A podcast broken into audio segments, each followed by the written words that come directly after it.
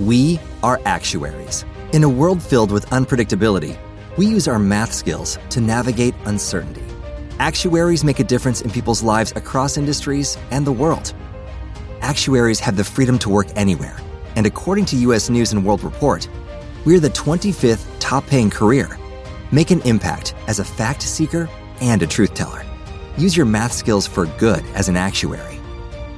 The world needs you.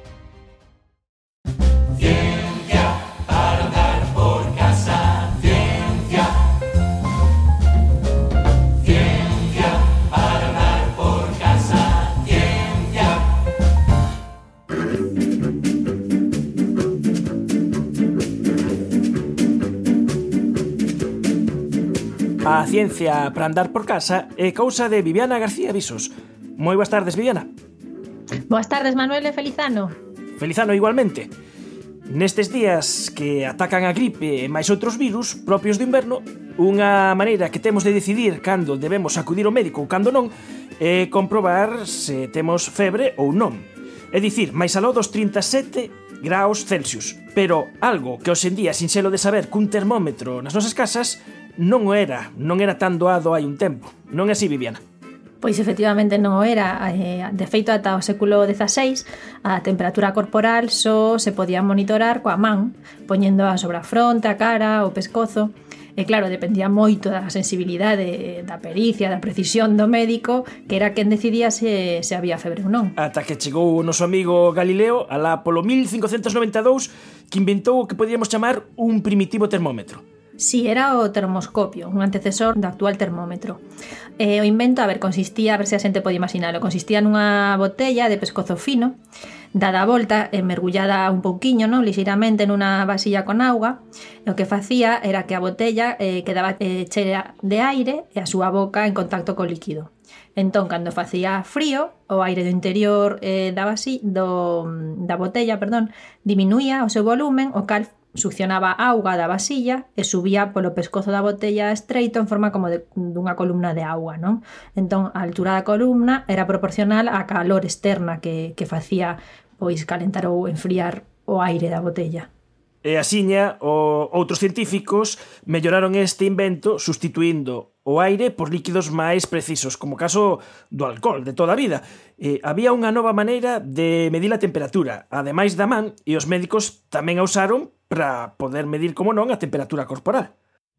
E sí, eh, viron que a temperatura corporal eh, mantiñase estable todo o ano, é dicir que, que alrededor dos, dos de 36 grados Celsius, podemos dicir un poquinho máis, non? O maior entre 35,5 ou 36,5 eh, pois o corpo humán está sempre nese, nesa marxe, e da, da igual que se mida en verano cando fai moita calor ou en inverno cando fai moito frío, sempre temos esa temperatura constante. Eh, non foi ata mediados do século XIX cando o médico alemán Karl Gunderlich estableceu o que era febre, porque ata daquela non había un límite a partir do cal se podía dicir isto é febre, isto é normal. Sí, a ver, a verdade é que este home fixo un, un traballo inxente, un traballo moi grande, porque tardou, de feito, 18 anos en, en tomar datos eh, clínicos de 25.000 pacientes eh, e facer un análisis de, de millóns de, de registros, que ao final eh, bueno, sa, eh, sacou en diferentes publicacións, eh, a máis importante quizáis foi a, o curso da temperatura nas enfermidades, estamos xa no século XIX, onde explica que a febre é un signo de enfermidade, que non é unha enfermidade en si sí mesmo, que ata entón pois non se tiña moi claro. E ademais fai multitude de curvas térmicas eh, típicas de moitas enfermidades como sarampión, a neumonía, varicela, bueno, eh, e así veía como se producía esa variación de febre nas, nas persoas. Esa é a típica liña que, que vemos o mellor nas pelis, o carón, o pé das camas, onde hai unha gráfica onde se ve como varía a temperatura do, do doente, vai subindo a, a febre e logo vai baixando, non? Sí, esa, exactamente, é iso mesmo. É ¿Eh? porque eh, eh, o límite está nos 37 grados Celsius, porque a partir de 37 consideramos febre. Bueno, a ver, a verdade é que os médicos eh, consideran febre ao redor dos 38 eh, cando, cando eso, cando xa é febre, febre ata os 37,7 máis ou menos, bueno mm.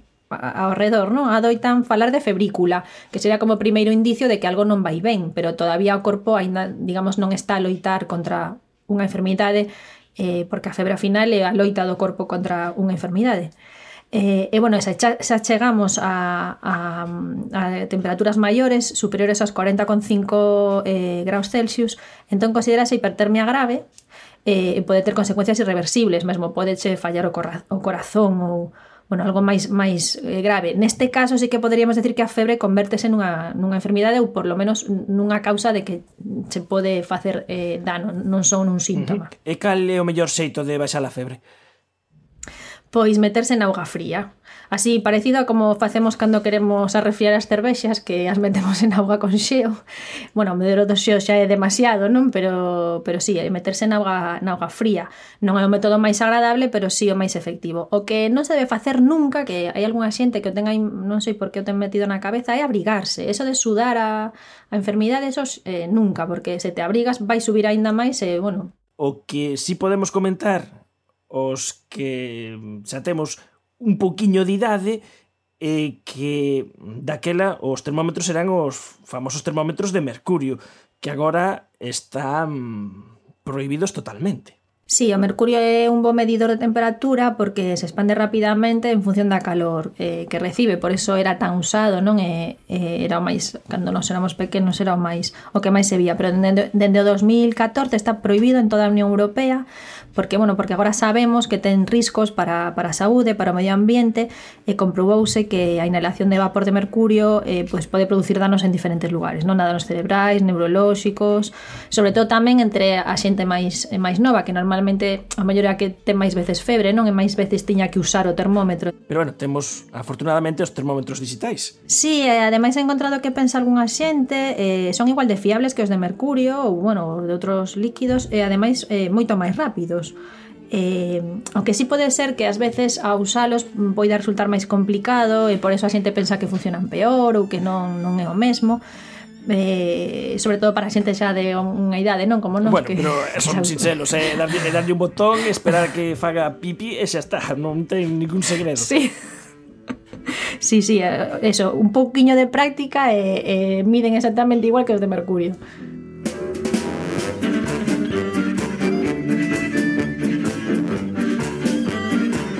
Pois mira que puidemos aprender eh, cousas novas grazas a falar desto da febre e eh, dos termómetros. Eh, grazas, Viviana, unha vez máis por ensinarnos algo sobre a nosa temperatura corporal. Gracias a ti, Manuel.